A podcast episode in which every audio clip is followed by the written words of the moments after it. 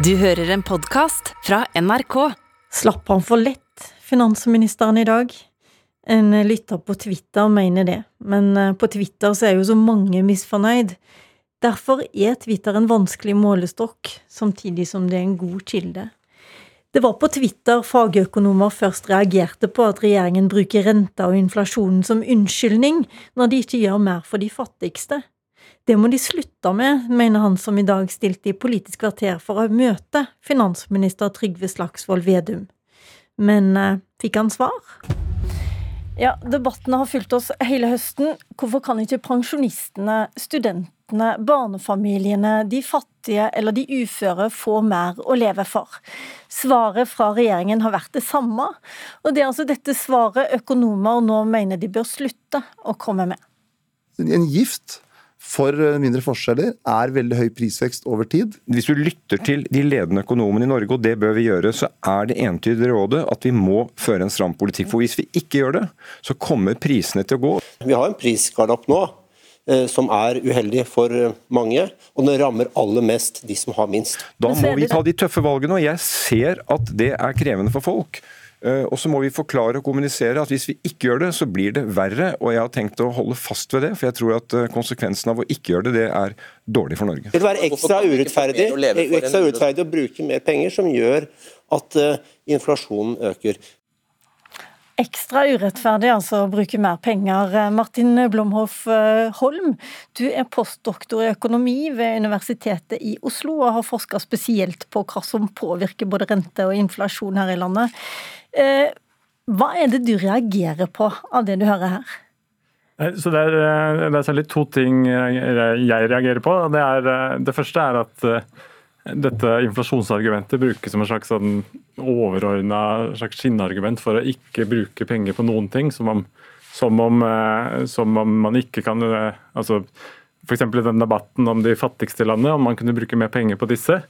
Eh, og der handler det, det er greit at man ønsker å bruke lite penger, men det handler også først og fremst om prioriteringer. Om at det kunne vært et valg her om å prioritere annerledes, om man skulle brukt mindre på eh, ferjer eller gratis barnehager. Så det handler på en måte, det Argumentet med inflasjon tar bort på en måte fokuset på prioriteringene som ligger i statsbudsjettet, som er en mye viktigere debatt enn inflasjonsargumentet. Det andre er at eh, dette inflasjonsargumentet Eh, det er, på en måte, det er korrekt i seg selv at, at statsbudsjettet har effekt eh, på inflasjon, men den effekten er så liten at det er vanskelig å forstå at det skal legges til grunn eh, som et slags hovedargument eller et hovedbase for hva pengebruken skal være i Norge. Så, så, Jeg kan ta et eksempel.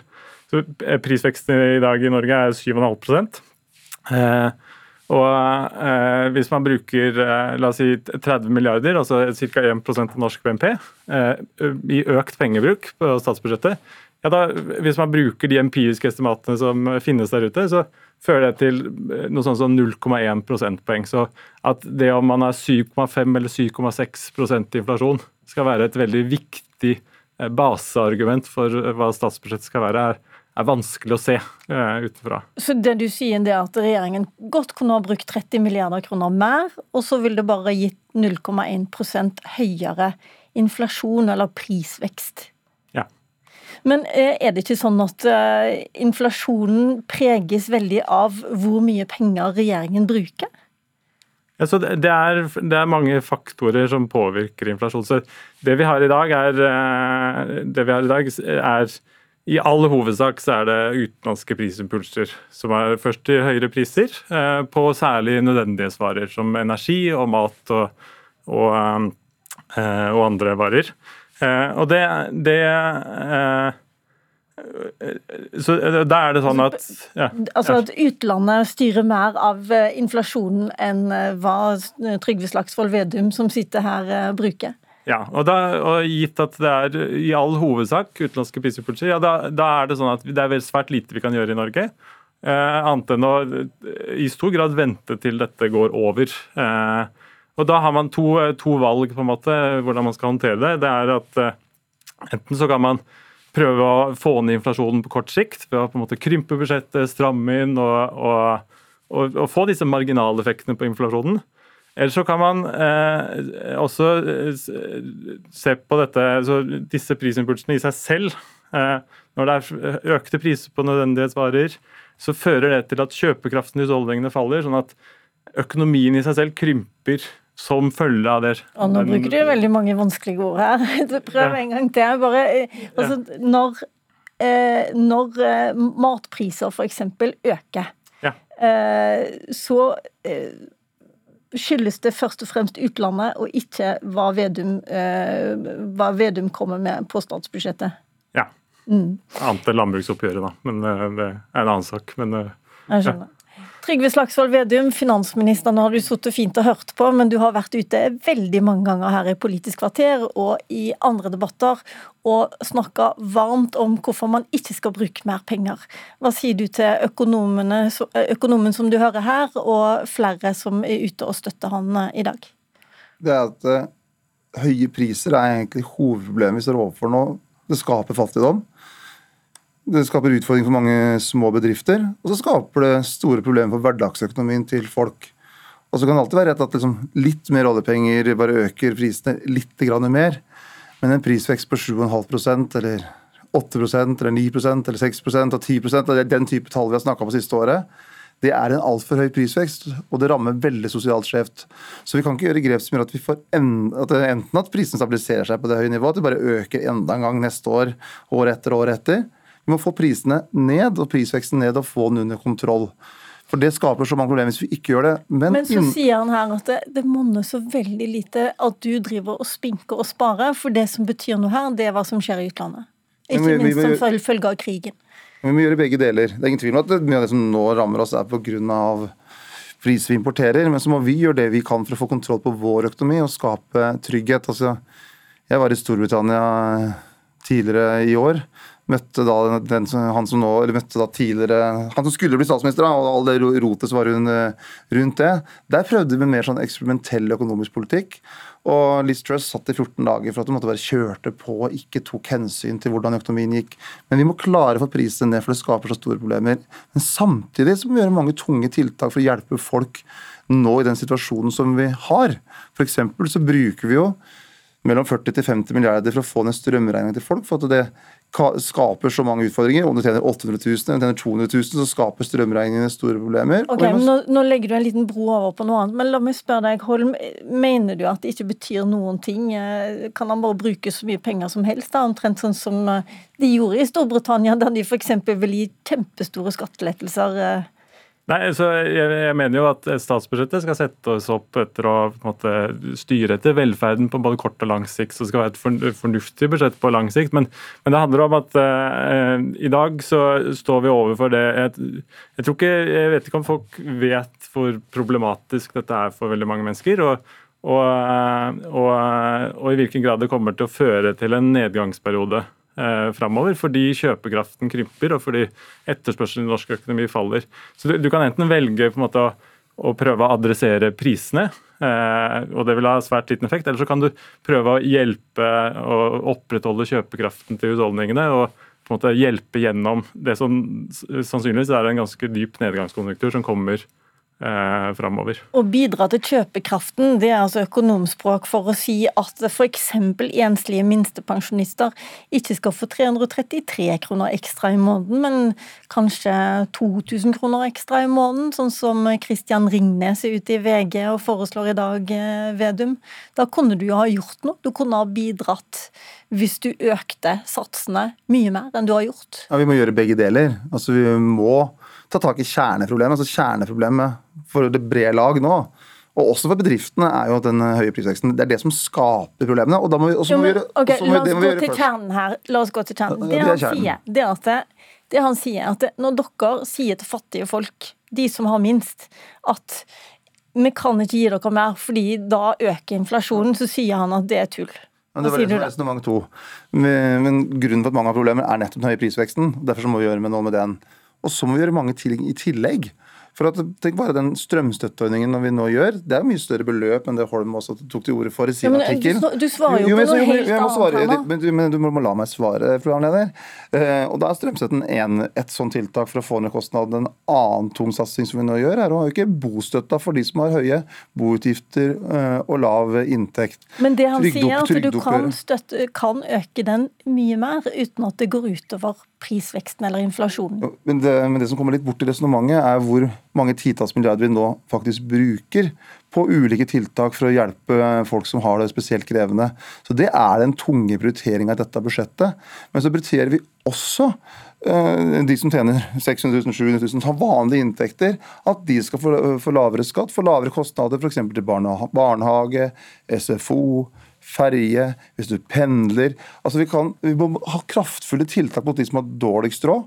For der er det mange som er spesielt sårbare. Det har vi på milliardstørrelser. Men i tillegg så må vi sørge for at økonomien til det brede lag ikke blir for tøft. Og Da er det mange ting vi prøver å gjøre billigere, f.eks. barnehage SFO. For vi ser at mange familier er blant de som har størst utfordringer. Og så er renta et stort problem for veldig mange familier. og Hvis vi ikke styrer tykt og godt, så vil rentene gå enda mer opp. Og det slår veldig kraftig inn, spesielt i småbarnsfamilier, som er blant de gruppene som har det mest krevende. Vi skal komme tilbake til renta, men bare sånn som jeg forstår det, da, så sier du det at det, dere har egentlig gjort veldig mye for de som sliter mest. Så du er fornøyd med det? Det har ikke så mye med inflasjonen å gjøre, er det, er det riktig forstått? Det har vært den tunge prioriteringa. Og veldig mange av de tiltakene som vi vedtar i Stortinget akkurat nå, begynner å virke fra eh, 1.1. Så den tunge prioriteringa her er jo bl.a. å gi store skattekutt. Eh, altså man prioriterer et store beløp til det til folk som har lave og middels eh, inntekter. Man forbedrer en rekke ordninger, alt fra bostøtte til barnehage til eh, litt økt minstepensjon. Endring av barnetrygden som gjør at enslige forsørgere får mer barnetrygd. Altså Det er mange enkelttiltak for studenter, elever. Altså, så Summen av tiltak er veldig kraftfull. Men så må vi ikke glemme grunnen for at vi nå har behov for de tiltakene. Det er den høye prisveksten. Så hvis vi bare måtte skal reparere alle problemene av prisveksten og ikke ta tak i kjerneproblemet, så gjør vi en, en veldig dårlig politisk prioritering.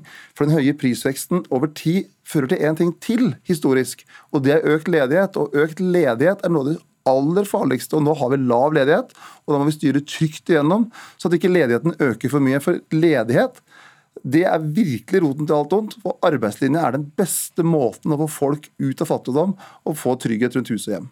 Jeg tror ingen i dette studioet er uenig i at eh, høye priser, at f.eks. matvareprisene går veldig opp, det er eh, verst for de som har minst. Det er de som bruker mest penger på det. Men hva sier du til økonomene som sier at eh, dette med inflasjon, eh, at dere skylder på inflasjon, det er en bløff? Nei, det, det sier ikke det. Det tror jeg er liksom eh, journalistens måte å si det på. For jeg, det, du finner veldig få økonomer som syns at prisvekst er topp. Altså Når prisene går så mye opp som Ingen de gjør syns at prisvekst er topp, Nei, men at det, at det, det du bruker er det viktigste, det er det de stiller spørsmål ved. Altså, De har en akademisk debatt om det, og det, og det syns jeg er bra det er. Men en høy prisvekst skaper masse problemer. Og Det er ikke noe tvil om at det, at det rammer bredt, men så rammer det veldig hardt i de som har lite. Men også når du ser på gjeldsfordelinga, så ser du at de gruppene som høyest, bruker mest av inntekta si på gjeld, er folk i lavere inntektsgrupper som bruker en høyest andel av sin inntekt på gjeld. Så vi må være opptatt av at ikke renta går for mye opp. Vi må være opptatt av å prøve å få kontroll på prisene. Men samtidig så må det prioriteres tungt på bostøtte, barnetrygd, andre typer tiltak for å eh, hjelpe de som har ekstra utfordringer. Og også få ned prisene på goder som det brede laget har behov for, f.eks. da barnehage. Og så er trygdeoppgjøret i fjor høst, eller fjor vår, det var et eh, ordentlig trygdeoppgjør på 4,77% men med de prisene som det er nå, så blir det krevende uansett. Nå har vi snakka mye om inflasjon, men hva med renta, Martin Blomhoff Holm? Hvor viktig er det for de fattigste at renta holdes nede? Altså, Renta er svært viktig for de med mye lån. og De som har mye lån i Norge, det er eh, særlig unge husholdninger. Og, og i stor grad unge husholdninger med høy utdanning som har høy lønnsvekst. Eh, De aller fattigste i Norge har, er leieboere og enslige forsørgere og har ikke lån. Så de, de, er ikke, de er ikke spesielt rammet av renta, sånn sett. Så heller ikke renta er spesielt relevant for de fattigste, som står i matkøen nå, Vedum? Når du ser 20% av de husholdningene som har lavest inntekt, det er de som bruker, det er der flest uh, bruker fem ganger inntekten sin på å betjene uh, lån og gjeld. Så det er sånn at uh, mange av de som har måttet gå på jobb, har lav inntekt. Men ikke er de som du kan direkte kalle fattige, men som er måte, folk som sliter med å få endene møtes, de har mye gjeld. Og de, vi må derfor være opptatt av at ikke renta går for mye opp, for det rammer spesielt småbarnsfamilier, de som har det krevende og Derfor har vi også prioritert å få ned prisene på en del av de tingene som den gruppa i befolkninga er helt avhengig av. Ok, Dette var en liten, eh, et politisk eh, samfunnsøkonomisk kvarter. Tusen takk for at dere ville være med på dette. Martin B. Holm fra Universitetet i Oslo og Trygve Slagsvold Vedum, finansminister. Du har hørt en podkast fra NRK. De nyeste episodene hører du først i appen NRK Radio.